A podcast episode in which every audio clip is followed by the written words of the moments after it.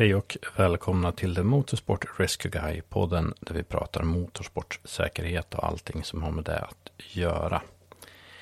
Vi är nu inne på avsnitt sju och eh, vi börjar närma oss slutet på mars. Jag vet inte hur det är för er, men hemma hos mig här så börjar marken att tina fram och snön börjar att försvinna. Så det är väl ett klart tecken på att säsongen närmar sig. Ett annat tecken på att säsongen närmar sig är att eh, som det alltid är på våren, mycket utbildningar, kurser. Så att eh, den senaste veckan känns det som att jag har spenderat mest framför datorn. Normala år så har man i alla fall möjligheten att få åka iväg och träffa människor. Men nu är det den digitala formen som gäller och eh, det har funkat bra också. Men det är fortfarande inte samma sak som att få träffa alla dessa underbara människor fysiskt. Så min vecka har bestått av eh, mycket inlärning och utlärning och det är alltid lika intressant. Jag tänkte i dagens avsnitt så ska vi fortsätta med personerna bakom säkerheten.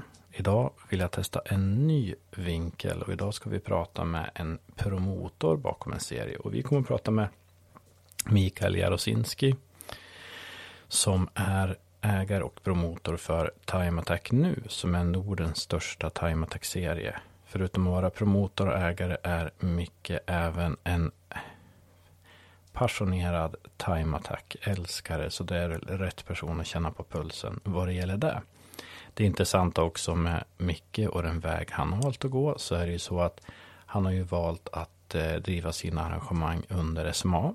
Det innebär alltså att han har varit en annan väg än att gå via förbundet. Men det har också inneburit att eh, Micke har behövt tagit mycket beslut och tagit fram mycket dokumentation själv. Och det har varit väldigt duktig och intresserad av att göra. Och jag skulle vilja säga att på den biten är nog Micke en av de mest engagerade promotorerna som jag har träffat på.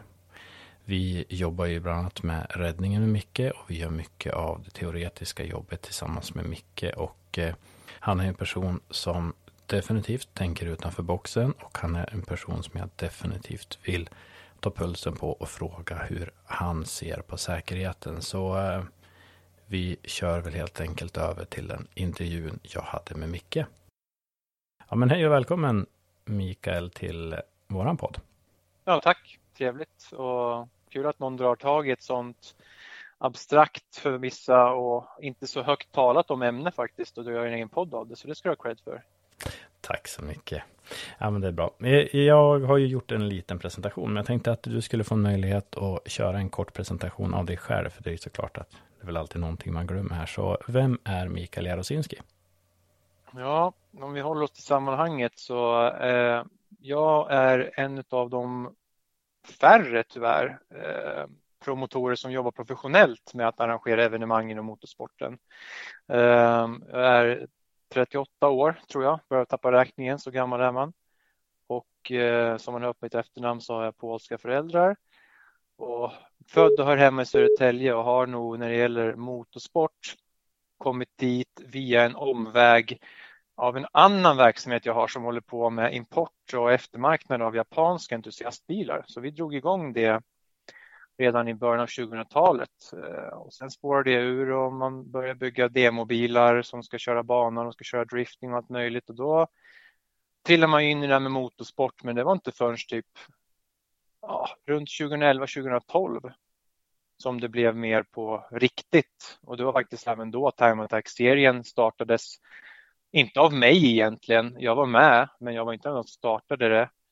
Men lång historia kort, så sen i alla fall 2015, 16 så driver jag och jag har en anställd i mitt företag Time Attack Nu-serien professionellt faktiskt. Så det är väl en, det är som en bra summering, eller? Ja, men absolut. Det är väl en, en väldigt bra summering. Den här podden handlar ju om säkerhet och egentligen inget annat än säkerhet. Så jag tänkte ställa den första frågan. Vad anser du, vad är din roll i motorsportsäkerheten? Eh, precis som allt annat. Jag är, jag är, det har egentligen inte med motorsport att göra. Eh, jag är en verksamhetsledare. Min, mitt, min roll är att samla alla de olika delarna av att göra ett arrangemang. Och i det måste jag då använda mig av partners eller utav eh, andra resurser eller leverantörer och hyra in rätt saker, läsa på hos rätt myndigheter, eh, rätt eh, ja, leverantörer och sånt där. Och där är ju säkerheten en jäkligt stor grej. En, en stor men ofta som jag inledde med förbisedd eller inte så man talar högt om grej. Så att ja, jag är ju en, som, som promotor och som företagsledare så drar man ju i alla trådar lite grann. Man är spindeln i nätet kan man säga. Men vad skulle jag säga, vad är säkerhet för dig då? Det är ju liksom, det är lite därför jag vill prata med de olika infallsvinklarna, promotorer, banägare, räddningspersonal, sjukvårdspersonal och så vidare. För att just få reda på, vad är säkerhet för dig? Men jag tänkte på det här inför podden och, och inför man ställer sådana frågor att det är ju väl egentligen en av de fundamentala, alltså jätteviktiga grejerna i att hålla på med något sånt här. Och, och sen när man väl har sagt det och definierat det, det där det blir lite så här, okej, okay, men jag förstår att folk inte pratar så mycket om det och inte så högt om det, för det är lite flummigt att säga, ja, säkerhet, säkerhet. Men rent krast så handlar det om att ha en helhetsplan för evenemangen, att de ska flytta på, att de ska vara roliga, att de ska dokumenteras, att de ska eh, fungera överhuvudtaget. Och säkerheten är det när det kan gå snett. Och snett kan det gå i motorsport. Det är oftast det folk klickar på på nätet. Spektakulära krascher, de läser om det, våra kära svenska lite motorsport nonchalerande medier skriver motorsport så är det oftast när någon har kraschat, kanske till och med när någon har gått bort. Och så är det ju faktiskt och därför gäller det att ha en, en viktig och seriös plan för de ögonblicken. Och har man inte det, och det kan man väl säga, uh, ung som man en gång varit, då är man bara nonchalant och, och, och tror att det ska inte hända här. Och det pratar jag jättegärna om med att okej, okay, som en då lyssnare i den här podden så kanske man behöver börja fundera på de här sakerna, även om det då blir abstrakt att tänka just i säkerhetsdetaljer eh, som vad det egentligen är. Men vad är det som kan gå snett och vad finns på evenemangen som i så fall är bra för mig, om det nu går snett, bra för min bil? Det, det är oftast i de banorna jag tänker medan sådana som du då finns och är förtroendevalda eftersom vi har ett långgånget samarbete med, med er och det företag du driver. Vi har din personal på våra evenemang. Ni sköter det praktiska, så pratar jag gärna om just det här överhängande. Är jag, är jag flummig nu eller var det någorlunda sens? ja, men jag tycker det, det, är väl, det är väl definitivt en röd tråd i det. Men nu är ju du promotor, du är ju den som så att säga ställer, du är den som skapar sandlådan där andra kan komma och leka, eller i det här fallet köra med bilar. Eh, din roll som promotor, jag vet ju att du är väldigt drivande på den delen, men hur ser du på din roll som promotor att utbilda och att eh, kanske väcka den här tanken hos de som blir dina kunder som kommer och kör på dina arrangemang? Det är ju en jättebred fråga, men för min del och min resa så har det handlat om att vara helt nollställd och bara fatta, okej, okay, så här ska vi göra när vi ska fördela ett tidsschema och så här ska vi göra när vi ska skriva ett reglemente för i stort sett ett par miljoner kombinationer av olika fordon, eh, modifikationer du kan göra och nivå på förare. Eh, och sen till resten då med att eh, stå där och, och, vissa säsonger förr i tiden bre mackor åt funktionärerna och så vidare. Så eh, det där är ju faktiskt eh, en lång utläggning för att säga att det finns inget bra svar på det där. Eh, man gör lite av varje. Man, eh, man drar i alla trådarna. Jag vet ju till exempel, du har ju kört, eh, du har ju haft seminarier med, med JP i anslutning till dina arrangemang och du har ju liksom haft den typen av aktiviteter och du har även haft kompetent personal tillgänglig på dina tävlingar och arrangemang för att kunna hjälpa till att justera bälten och nackskydd och kolla över utrustning och sånt. Och det, det faller väl lite inom ramen i det där som promotor att kanske pusha och väcka tankarna hos dina aktiva kan jag känna. Ja, men återigen, för mig handlar det om, och det har man insett mer och mer, ju större serien har blivit, ju mer erfaren jag har blivit och, och, och faktiskt är det så här att mycket har man gjort i livet som man har gjort på en hög nivå men som aldrig var på en professionell nivå. Förstår du vad jag menar då? Mm. Och den stora skillnaden nu mot då är just att man, man är tvungen att lägga förtroendet för, som du precis sa, JP, Janne Persson. Säger man Persson eller Persson eller Persson? Man säger, man säger Persson, man säger Jan Persson eller JP. Persson, det är så svenskt, men han stavar så amerikanskt tycker jag. Men han är ju eh, en av dem som vi tar in. Vi lägger ett förtroende hos han. Han får en uppgift, han får en roll. Eh, samma sak för, för dig och för Thomas, för andra rescue team vi använder, vi använder även ett till rescue team som heter Nokab. De får ett förtroende. Du lyssnar på dem, du plockar upp vad de vet, du vet vad de, du, eller Innan så vet ju du bara kanske i bästa fall i teorin vad som kan hända på en bana. Men av att prata med sådana här leverantörer ta in vad de säger. Ja, men fan, när det är en brand, då är det här och det här viktigt. Vet ni vad, det här behöver ni tänka på för att förbereda förarna. Vet ni vad, det här skulle göra saker lättare för oss när det händer någonting. Det är inte svårare än så. Så det är återigen min roll som promotor och med mitt team som står bakom mig.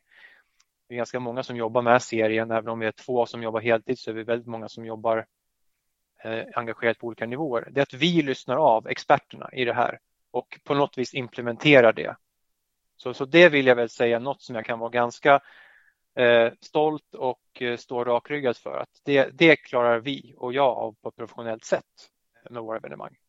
Men vad skulle du säga, varför är säkerhet så viktigt, inte bara för dig utan för alla oss i sporten? Liksom? Men det är där igen och jag, jag funderar på det här med ja, men hur ska man få folk att prata om det här mer? Mer än bara de här klicken på de här videorna. Alltså det kan gå så jäkla satans snett på det vi håller på med. Det är bland det roligaste man kan hålla på med. Ehm, det är dyrt, det tar mycket energi, men det kan vara bland det häftigaste man gör och det spelar ingen roll vad man jämför med. Att åka fort i bana eller vi pratar motorsport överlag, att få det att stämma med ett fordon och ligga på gränsen, det är, ja, men det är liksom lite eufori. Men det är också sådana sjuka risker. Det kan gå snett. När det går snett, visst, vi tittar som tredje part på de här filmerna. Ja, men he's fine, det gick säkert bra. Men i praktiken, alltså på, på evenemang, om inte man har en plan för det här. Det är därför det är bland det viktigaste. Att ha den där planen och ha den där tryggheten och erbjuda att hej, skriv upp dig och gör någonting som är rätt så farligt. Eh, och kom ihåg att när du gör det hos oss, om jag talar för mig själv och är lite självgod och, och även till de evenemang som tar det här på allvar, om jag får säga det så, där så betalar du för att du har den här extra tryggheten om det skulle gå snett. Så att jag pratar jättegärna om just den biten med att ja, det är klart att man vill åka lite här och var eller som när man var ung som sagt, man höll på med kanske street racing eller sånt där. Men då fanns det inga livlinor och det kanske var det som kittlade men man, man hade kanske en intalad bild av att men det kommer ju aldrig gå snett. Och sen så hände det första gången att man hörde om en kompis som råkade illa ut eh, eller läser om en olycka någonstans där det inte fanns någon sån här rescue. Det fanns ingen livlina. Då kanske man börjar fundera. Och det är det jag önskar att folk, ja, de behöver inte bli räddningsfrälsta men att de funderar på det i en högre utsträckning än vad jag kanske ibland ser. Men som jag ändå tycker med våra evenemang och den säkerhetsnivå vi faktiskt har visat om och om igen när en bil börjar ryka, när en bil faktiskt börjar brinna, när en bil faktiskt eh, åker av och hamnar i en tricky situation med snabba insatser. Eh, det är kul att i alla fall våra kunder, om jag säger, kallar våra förare för det, de är väldigt bortskämda och de vet också om vad de får när de kör hos oss och därför så tycker jag att bra, ta det och ställ de kraven även på andra arrangemang du åker på. För att ärligt talat, att åka på en arrangemang som en 500-lapp eller en tusing billigare, det är trevliga pengar. Du blir mätt på de pengarna och äta middag ute. Men om det går snett, fan då kan det bli mer än bara dyrt. Då kan det bli riktigt jobbigt om det inte finns en riktigt professionell organisation som kan hjälpa dig då. Förstår du vad jag menar? Ja men absolut och där skulle jag vilja slå ett slag för för de trackdays som du har arrangerat? För du var väl väldigt tidigt. Det är ju inte en... trackdays, Rickard. De heter time attack testdagar och det var något som jag vill ge cred för eh, i farten här till eh, organisationen som jag har. Eh, en av dem som är en större partner som är involverad i det är ju Veidex som även roddade över STCC när det var väldigt stort och åkte på banor in i stan och, och slog rekord efter rekord. Liksom. Um, så de vet vad de snackar om motorsport. Så en av dem är ju deras gamla VD och numera vice VD på Veidek, Bob Usell.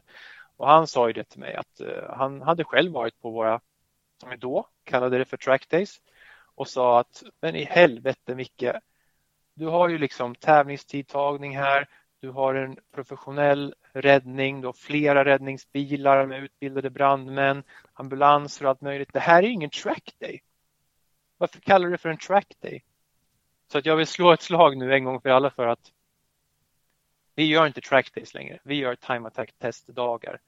Så att vill man kalla det för att det är en nivå ovanför track days eller vad man vill kalla det för, det är i alla fall någonting annorlunda än track days som är lite enklare, lite mer förutsättningslösa. Så, så lägger jag ingen värdering om det är bättre eller sämre.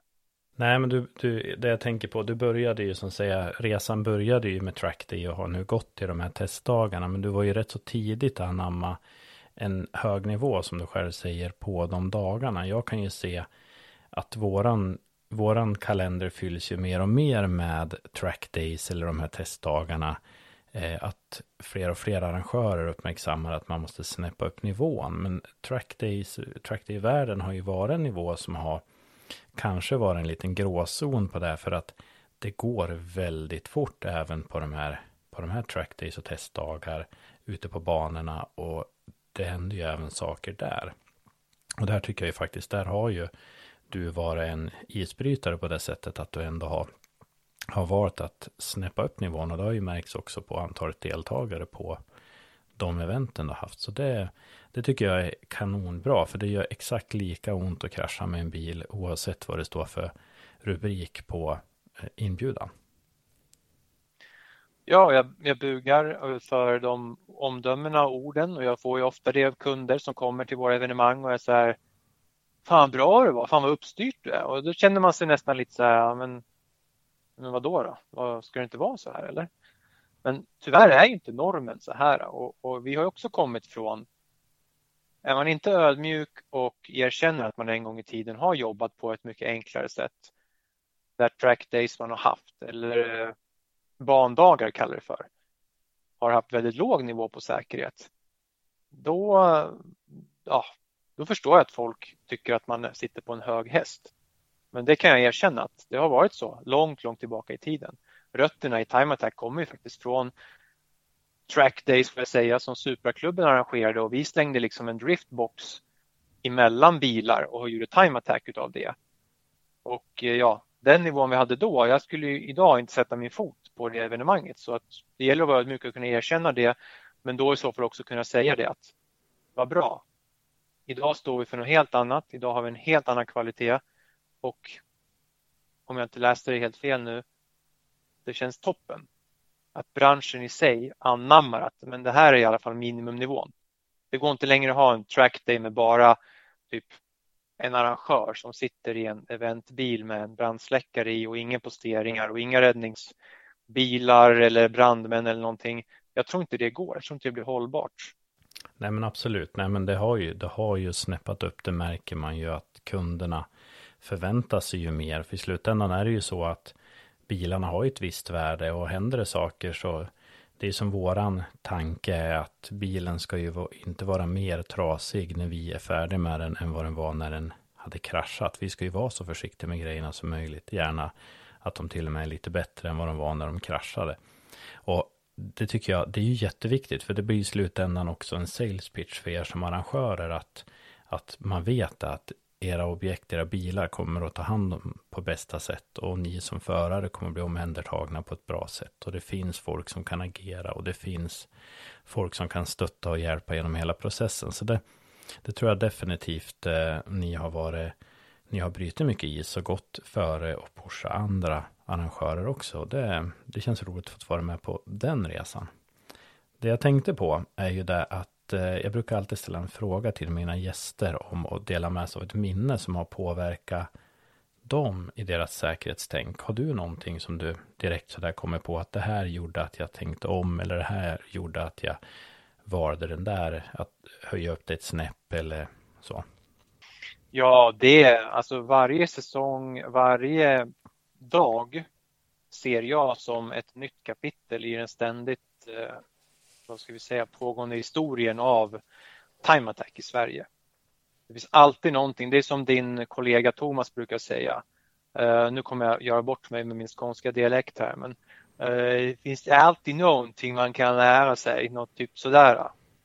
Uh, det är ju hans mantra och jag respekterar och, och ställer mig bakom det till 100 procent. Går jag tillbaka och går jag bak och, och nu ska vi se, tänka efter.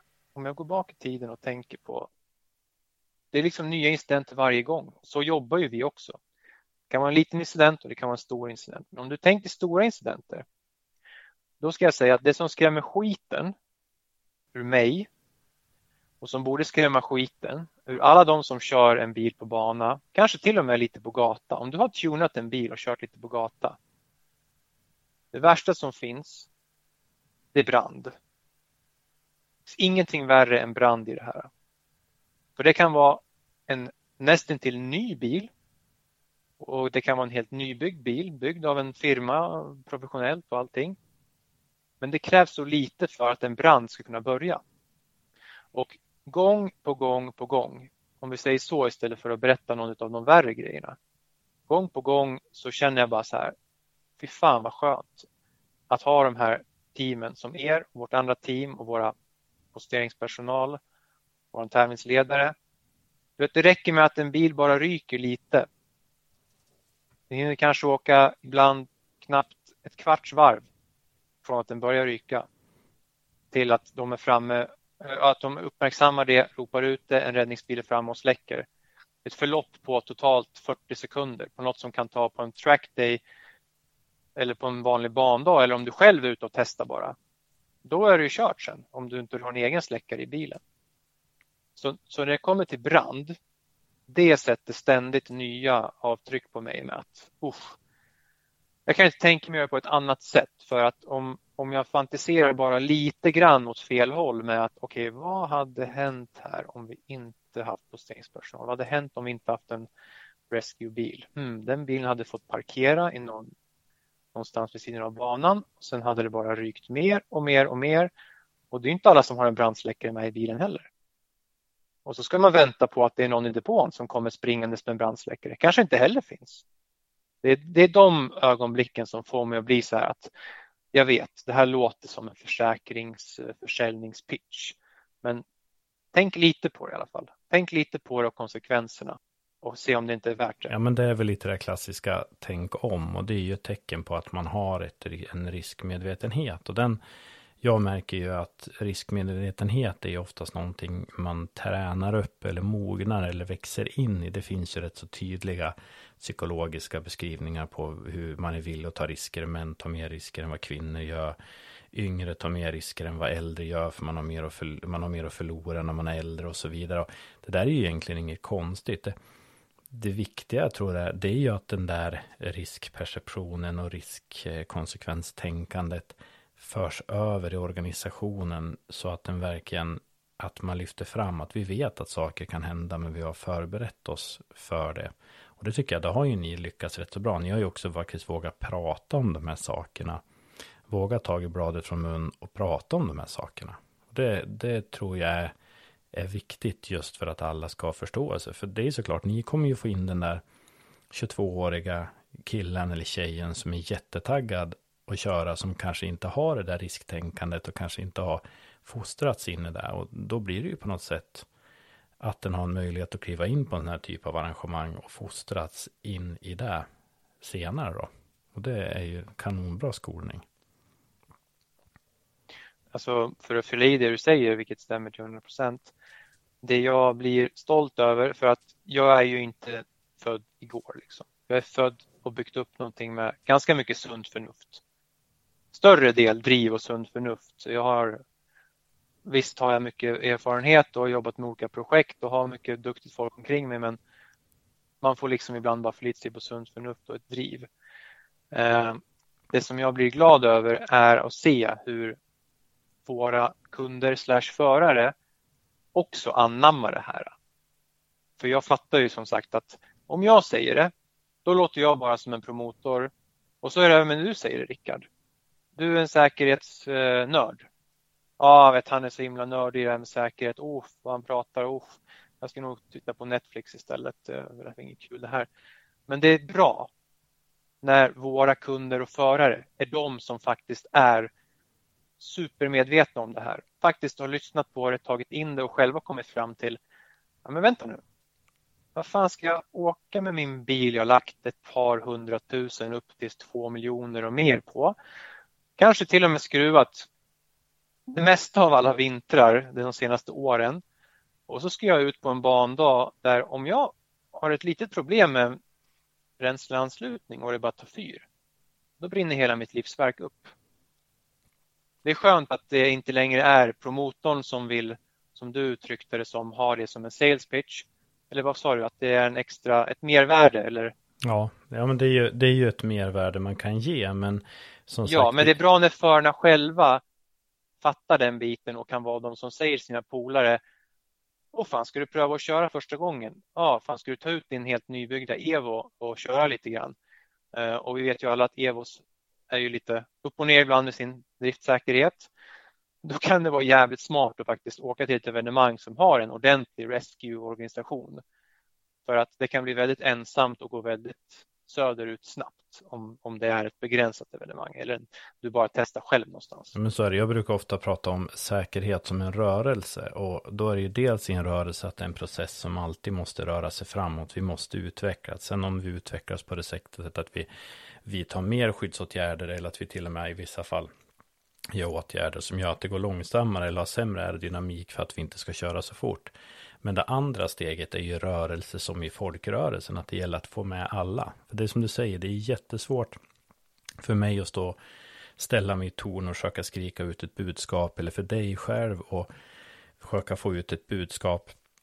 Utan det är ju den dagen vi får våra utövare att vara en del i den här rörelsen som vi faktiskt skapar förändringen. Och där, där märker jag att vi har mer och mer eh, förarna med oss i det arbetet. Det märkte jag, det var ju en av anledningarna till att jag och JP började våra föreläsningsturnéer 2009 som sen blev Simpson Safety Academy. Och det är där vi även så att säga era förare har ju också fått tagit del av mycket av den här informationen och man har man har börjat tänkt själv. Och när man börjar tänka då blir det mer utbildade förare och då är de enklare att resonera med. Så jag tror ju att styrkan är att utbilda sina kunder, alltså förarna, så att de känner sig trygga och kan ifrågasätta. För då kommer de förstå att det vi faktiskt pratar om är inget annat än sunt förnuft.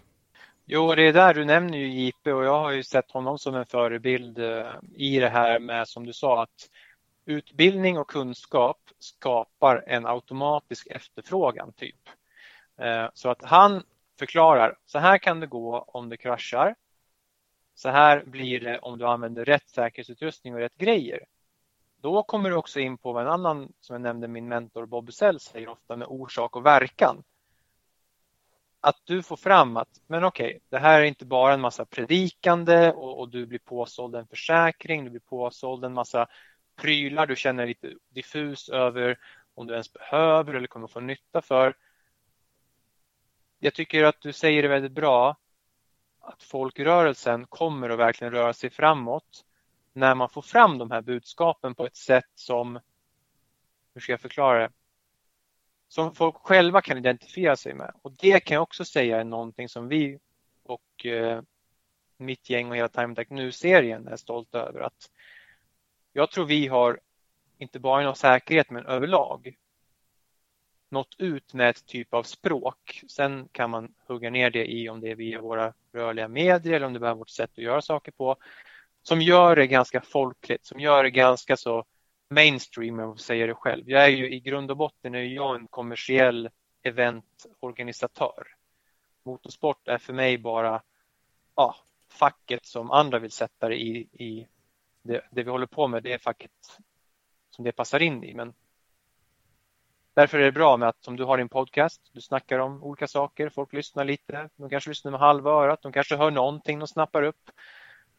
Det lilla sprider de till en andra person som sen då läser på lite själv och sen är det igång och det är så det måste fortsätta. Med att, att, ja, det är klart det är bra när man kan bli organiserad i att den här folkrörelsen faktiskt utvecklas och det är kul att vi har nämnt redan nu här då ett gäng namn och det finns fler duktiga aktörer i branschen som just nu accelererar det här väldigt snabbt till att säkerhet inte längre bara blir någonting som jag ser ju arrangörer som bara de skriver säkerhet som att ja, det ska finnas med där, copy and paste. Men jag undrar liksom, ja, men vadå säkerhet? Det, det är bara ett powerord du lägger in här. Vad står det för hos dig? Kan du förklara det? Kan du, som Bob säger ofta till mig, kan du förklara eh, vad det här eh, har för verkan för mig som användare? Vad får jag ut av det här? Och vi pratade om det redan, det här med att okej, okay, men på vissa evenemang när du kommer och om det händer något snett med bilen, då kan det bli väldigt tråkiga scenarion medan om du åker på de här evenemangen så är sannolikheten att din bil blir mindre skadad eller till och med inte skadar alls mycket högre.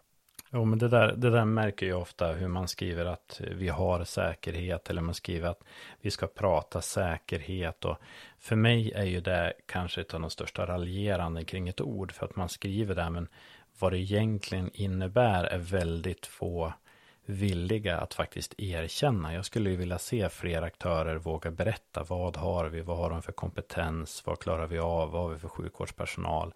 Ehm, det är ju en viss skillnad att vi har en Visst, vi kanske har en bil som påminner om en ambulans som står där, men i den så sitter det antingen en duktig ambulansbesättning eller en IVA-läkare, eller så kan det sitta en primärvårdsläkare och en, en sköterska som jobbar på ögon eller lungavdelningen. Och reglerna är ju väldigt vida där i vad man kan ha. Nu var du ju snäll. Nu, nu sa du ju inte ens att det kan sitta någons kompis halvsyster som bara hade ingenting för sig idag och, och sa okej okay till att köra det här ambulansliknande fordonet.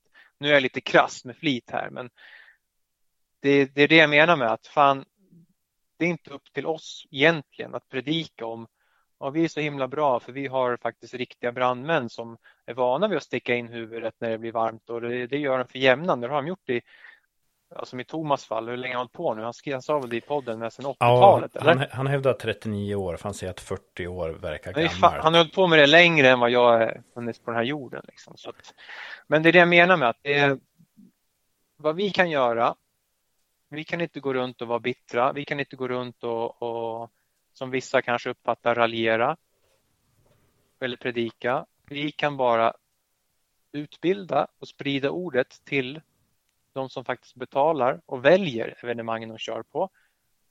Ja, Okej, okay, ja, jag ska välja en eh, dag nu och testa min då, den här Evon vi snackade om.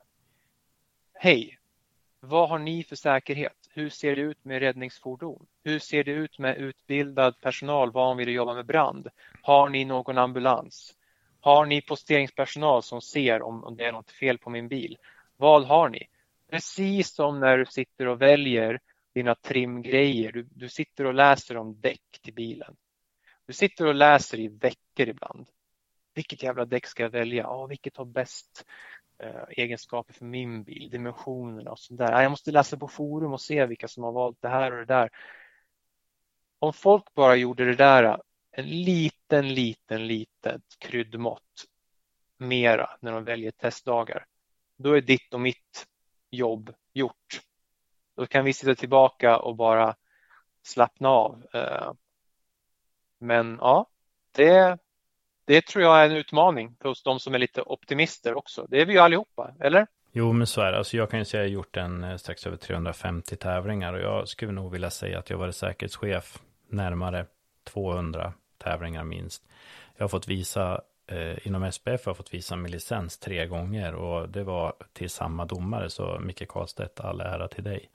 Men sen så måste jag säga hur många förare som har faktiskt sagt att de vill komma och kolla vad var för utrustning så under 350 tävlingar så kan jag nog räkna dem på en hand. Alltså ty tyvärr är, är det lite så att när man kliver in i sin bubbla när man ska köra, då är det lite mer att det står en bil där och så förväntar man sig att den här bilen ska klara det, oavsett vem det är som sitter i bilen eller vad man har för utrustning. Så definitivt, där, där finns det väl lite arbete att göra. Men eh, om vi tittar upp. Får jag, får jag avsluta det då? För det är bra. En, en call to action är en trendig grej att säga. Till alla er förare där ute som någonsin har kanske varit på våra event eller något annat event som har haft bra säkerhet. Det har hänt något, ni har fått hjälp och ni kände er bra eh, bemötta och behandlade. Om vi säger någon förare i vårt läger, då kanske är en av de här gångerna som det har börjat ryka om bilen och så börjar det slå flammor och så innan ni ens eh, hunnit tänka knappt så är det en räddningsbil fram och släcker det. En call to action till er förare som har varit där mitt i allt. Sprid ordet om det. Sprid ordet om det så har ja, den här podden mer än väl tjänat sitt syfte. Då kommer det bli bra. Då kommer kanske även fler arrangörer att prioritera det här ännu mer och då har inte jag pekat några fingrar. Eller? Nej, det ska jag inte säga att du har gjort. Men eh, vi har ju varit inne lite på det, men vad är det viktigaste du anser vi skulle behöva göra för att, för att få en ännu säkrare sport? Är det no finns det någonting som du känner så här att det här skulle vi kunna pusha på eller höja nivån eller ställa krav eller skapa, inte vet jag, plattformar för utbyte av erfarenhet eller vad, vad skulle vi kunna göra för att höja oss det ytterligare snäppet? Jag är ju, jag tror du sa att du inledde med att vi inte kör under ett enskilt förbund, vi köper våra försäkringar av SMA. Vi är ju en oberoende aktör. Vi är ute efter att skapa de roligaste, säkraste och mest mediala eventen som går. Sen att det råkar vara motorsport är någonting annat. Så med det sagt, det är inte min uppgift att varken döma, fördöma eller ha åsikter om resten av branschen. Men jag tycker ju verkligen och står för att det är väl sunt förnuft att om fler anammade vårt tänk att saker och ting ska vara så professionella som möjligt och nu pratar vi om säkerhet. Vi kan ha en podcast som pratar om media som kan ha om trivsel och kan ha om allt möjligt men nu pratar vi säkerhet. Definitivt att, att det prioriteras mer och den förändringen kommer från det vi nyss sa att förarna själva förstår att när de väljer testdag, när de väljer trackday, när de väljer tävling, att de ser det som en viktig del i produkten de väljer. Vad är det för säkerhet på evenemangen? Och, och sen då nästa nivå där, vi har pratat om JP, säkerhetsutrustning. Och det gör han ett fantastiskt jobb med. Nu låter det som värsta JP-fjäskpodden men eh, att man utbildar sig själv, att man tar ett eget ansvar och ett eget intresse i det som nybörjare i motorsport eller som erfaren i motorsport. Det, det är det enda jag kan säga om det temat, men jag hoppas att det fortsätter i den här trenden.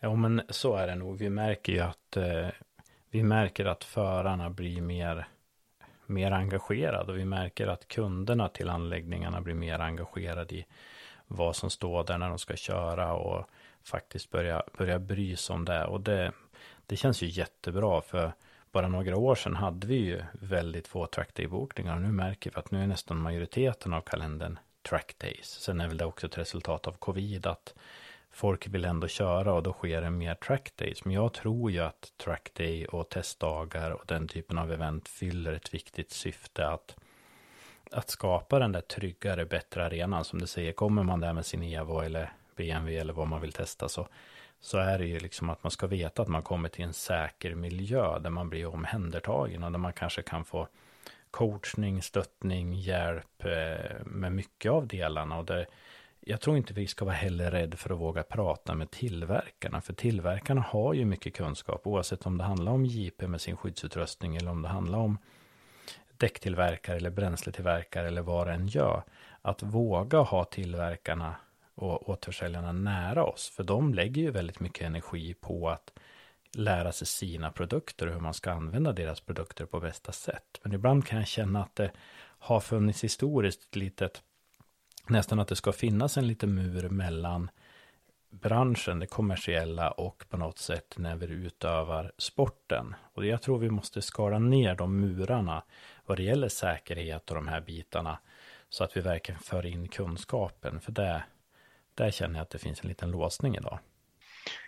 Ja, men det är som jag sa, det här är ju en icke-fråga tills det händer någonting. Det är en kanske i bästa fall raljerande grej med säkerhet, säkerhet. Och det är ganska osexigt och tråkigt att prata om. Ja, men det brann en bil här sist. Hur ska vi tänka runt det? Det är inget man vill sitta och man vill ju tänka på hur man bara åker och slår personbästa eller att Åh fan, jag provade bilen med mitt nya chassi och det kändes kanon. Det, man vill ju helst hålla fast vid de bitarna och inte tänka på de andra tråkigheterna. Det är som jag bara tänker för mig själv här nu. Jag undrar hur många som har koll på vad deras hemförsäkring täcker och, och vad som skulle hända om det gick åt skogen. Vad, vad det täcker och vad man kanske borde teckna för extra försäkringar. Så det är inget sexigt ämne i sig. Eh, men det är ändå, för att komma in på ett positivt spår, bra att medvetenheten och intresset för det har ökat. Och eh, ja, främst som konsument så ska man, ska man hitta den där eh, jämförande grejen med att jo men det kanske är så att en, en trackday på 1500 spänn det kanske ändå är så att det här lite biltema optimismen med att men jag köper på Biltema, det är ju fan halva priset. Ja, fast varför är det halva priset?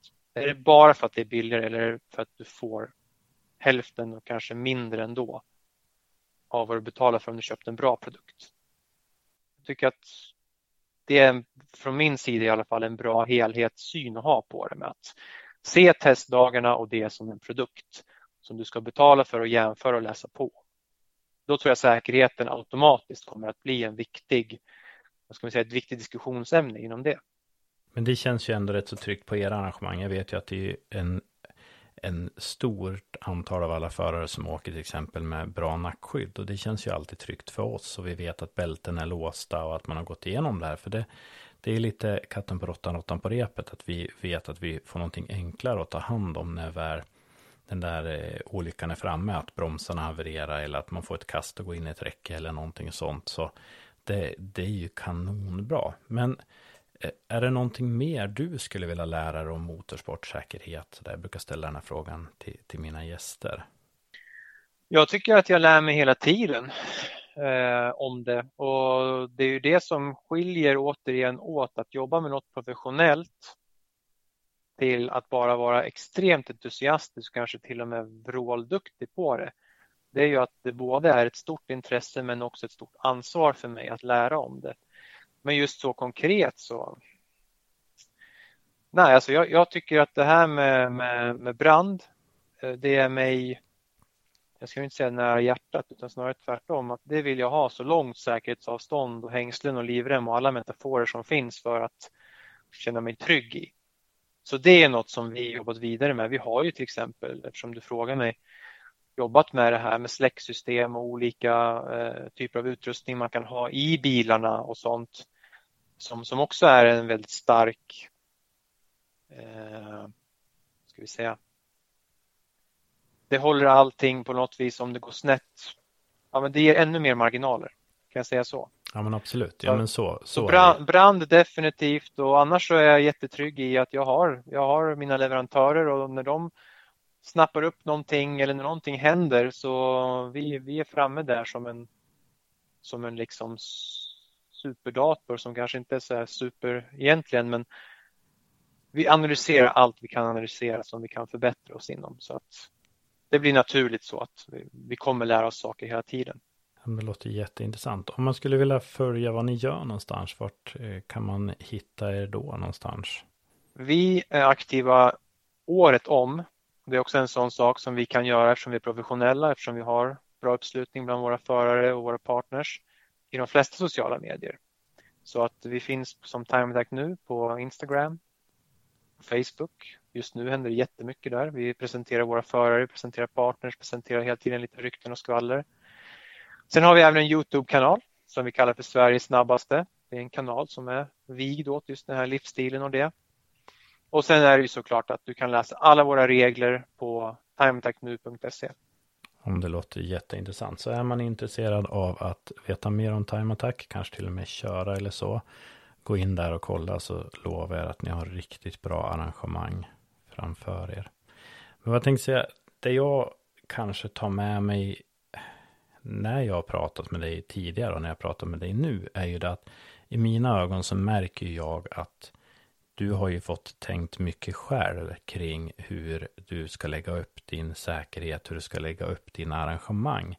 Kanske mer fristående än eh, många som kliver in kanske i en trygghet bakom en större organisation och säger nej men de har nog löst det här. Och jag tycker det är så intressant att höra för att ställer jag en fråga så kommer det väldigt snabbt ett svar. Det kommer väldigt snabbt ett svar som man märker att det här har du faktiskt tänkt på. Och det svaret får man inte lika snabbt från, från många arrangörer som kanske känner att nej men jag har ju de här regelböckerna i ryggen eller jag har ju de här dokumenten ändå. Men det är som du säger, eh, jag skulle ju vilja kanske slänga över frågan där. Har ni läst igenom de reglementena? Har ni kollat dem? Ungefär som hemförsäkringen där på något sätt. Och där tycker jag man ändå ser en skillnad. Du har läst din, du har verkligen läst din hemförsäkring, om jag ska säga så då. Eh, och jag kan känna att den kontrasten kan vara rätt så stor mot många andra. Så det är ju liksom min bild av dig. Kan, alltså stämmer den? Ja, det är huvudet på spiken om det jag sa från första början.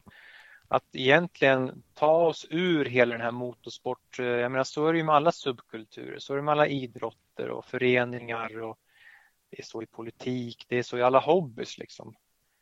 Det blir strukturer. Det blir strukturer. Det blir en viss typ av människor. Det blir en viss typ av hierarkier och eh, ja, men så här gör vi, för så har vi alltid gjort. Skillnaden mellan oss och mycket annat sånt, och jag har sett som sagt ingen dömande, inget dömande finger mot att det är så här. Jag är själv med i sånt i mitt privata liv liksom. och jag tycker att det är inte bara ohälsosamt. Det finns jättemycket positivt med det också. Vi driver allt som ett företag. Ett kommersiellt företag. Tänk dig liksom en, den amerikanska filmversionen av ett företag. Där alla sitter ner och alla är så här, ja, hur får vi maximum results? Och de har olika avdelningar med olika chefer som pratar om saker och de tjafsar och så blir de kloka på det och kommer fram till någonting. De får klagomål. De lyssnar på kunden. Vad fan är det här för något? Hur kunde det bli så här? Ja, shit, det är reklamationsärende, det får vi lösa så här. Allt det där skulle jag vilja säga och det kanske är väldigt förenklat men det är sunt förnuft och en pragmatisk process i att utveckla saker och göra dem bättre hela tiden. Och jag hoppas att fler anammar den. Men också tar hjälp där det behövs. Det är där man har jättemycket stöd och nytta av att vara med i eh, det traditionella förbundet. Kanske är jättebra kanske kan få hur mycket stöd som helst för att komma igång. Men det kanske ändå också är så att det här lite kommersiella verksamhetstänket vi har, i alla fall för oss, så har det gett en otrolig acceleration, tillväxt. Och jag hoppas att alla, alla, liksom, alla som tror på den fria världen, som tror på individen, kan ta det som mitt svar. Liksom. Att man, man måste kunna bara titta på saker. Jaha, vad kan vi förbättra här? Ja, vi läser på det här. Och det här var ju jävligt konstigt formulerat. Varför har vi skrivit så här? Det får vi förtydliga. Och det är en process som kan ta flera år. Det har det gjort för oss. Så ja, den långa filosofiska utläggningen senare så jag tror att vi är helt enkelt en, en kommersiell aktör, vi är ett företag vi driver en verksamhet, vi gör det för en kundupplevelse och vi måste hela tiden lyssna på våra kunder. Eh, inte alltid kunderna har rätt. Det är inte alltid man kan göra alla kunder nöjda. Vi säger inte att vårt koncept är för alla, men de som har varit någon gång kanske inte missnöjda, men kanske inte har varit så här helt frälsta, då, då lyssnar vi, försöker vi lyssna. Vad kunde vi gjort bättre? Vad saknade du här? Och om de då säger att jag vill åka race med tio stycken samtidigt och kriga över i första kurvan, ja men då är inte vi något för dig. Då är det fine. Liksom. Då, har vi, då var det ett enkelt svar på frågan. Men i alla andra saker och eftersom vi pratar säkerhet. Ja, jag vill nog säga att där har vi en styrka med att vi kan anpassa vår verksamhet snabbt efter att om vi ser någonting gå åt skogen Eh, eller något som har varit dåligt, något som har varit det här måste vi tänka till om. Då kan vi förändra oss snabbt. Det kanske inte är lika lätt i en sån här klassisk struktur, eh, en förening eller en klubb eller en, ja, vad du vill kalla det för. Vi kan väl tillägga det för er lyssnare som inte kanske är jätteinsatt i time attack. Time attack är ju alltså den sportgrenen där man inte tävlar mot varandra bil för bil på banan utan man kör själv och man tävlar mot klockan och genom det så tävlar man mot varandra och sen är man uppdelad i olika klasser beroende på lite olika förutsättningar med bilar och eh, däck och så vidare och det finns från de långsammaste klasserna där du kan åka med lite vassare gatbilar upp till riktiga monsterbilar som kör banrekord på banrekord. Så det är väl en, eh, jag vet inte, har du någonting att fylla på vad time attack är? Ja, det var helt eh, lysande beskrivet faktiskt. Eh, tänker, vad heter det, i Formel 1 kval. Ja, det är väl bara kval, men ja. då är det kvalar och sen så från 20 bilar blir det 10 bilar och från 10 bilar blir det 5 bilar. Det är åt det hållet. Alltså behöver du inte vara orolig för att någon dyker in på in och försöker få ett övertag utan alla måste liksom skapa sig en lucka och sätta en bra tid. Det är storheten och enkelheten i vårt koncept och det har vi gjort en, får jag säga själv, fantastisk eh, tävlingsserie av och våra regler. Ja, då kan jag verkligen, jag, jag pratar gärna om reglerna men det kommer låta som jag pratar om mina små barn som jag är så stolt över. Men det har lagts ner mycket energi med att få klasserna år efter år så himla jämna och att vi hela tiden öppnar upp med nya idéer för att få ännu fler att börja och vilja prova det här. Kanske folk som redan har åkt trackdays ett tag men aldrig ens tänkt tanken på att börja tävla i någonting. Men då är vi nästa steg och då tycker jag att de ska verkligen ta en titt på hemsidan och höra av sig till oss. Jajamensan. Nej, det låter jätteintressant mycket och det var intressant att få känna dig lite på pulsen och höra vad du tycker om säkerhet. Så vi tackar för att du tog dig tid och eh, vi kommer säkert att höras mer i framtiden här i podden. Men tack för den här stunden. Ja, tack själv och som sagt grymt jobbat att, att det är någon som på osvenskt sätt kan prata om saker, vare sig man pratar om tabuämnen som säkerhet eller om man pratar om annat. Det är liksom rätt trend nu att hålla på med det så att eh, det tycker jag du ska ha en eloge för Rickard. Ja, men det låter bra. Men eh, på återseende, Micke. Jajamän, ha det bra. Ja, det var ett intressant samtal med Mikael Jarosinski från Time Attack nu. Och eh, det är intressant att se hur han ser på sin roll som promotor när han ändå har valt det spåret han har gjort att köra under sin egen regi. Jag har haft möjligheten att jobba med Micke några år nu och jag vet hur hårt han driver för att hans förare ska ha bra förutsättningar väldigt pragmatiskt tankesätt, väldigt avskalad.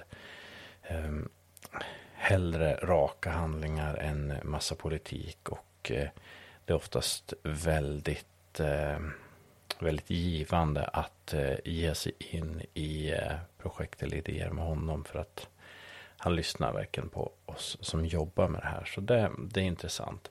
Och jag ser ju en väldig skillnad ibland när jag jobbar med de som finns innanför och utanför kan man säga, de stora förbunden. Att de utanför så många gånger kanske målas upp som att de skulle vara där ute för att man inte vill vara lika seriös eller att man inte vill nå upp till samma standard så skulle jag vilja säga att eh, flippa myntet tvärtom det är faktiskt så att vissa av dem vi har som är absolut mest drivande och har koll bäst på sin egen produkt är de aktörer, vissa av de aktörer som finns utanför och där är Mikael Jarosinski en av dem.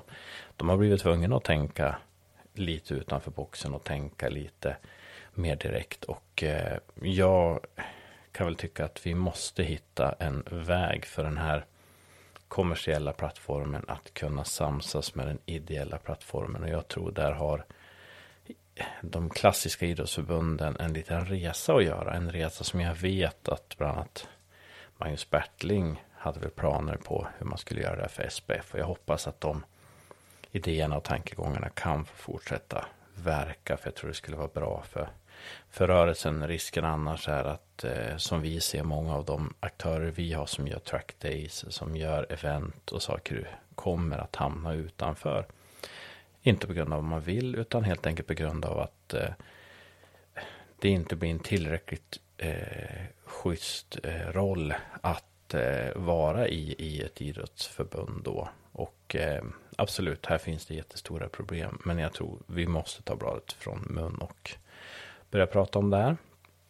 Så um, ja, tack för att ni tog er tid att lyssna den här veckan. Som sagt, har ni inte prenumererat så passa på att prenumerera. Vi finns nu uppe på de flesta större plattformar där ni lyssnar på era poddar.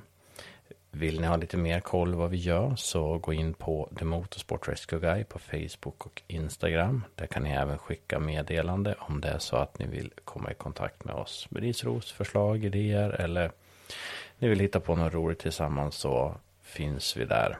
Så ja, till nästa vecka så säger jag väl bara ta det säkert så hörs vi.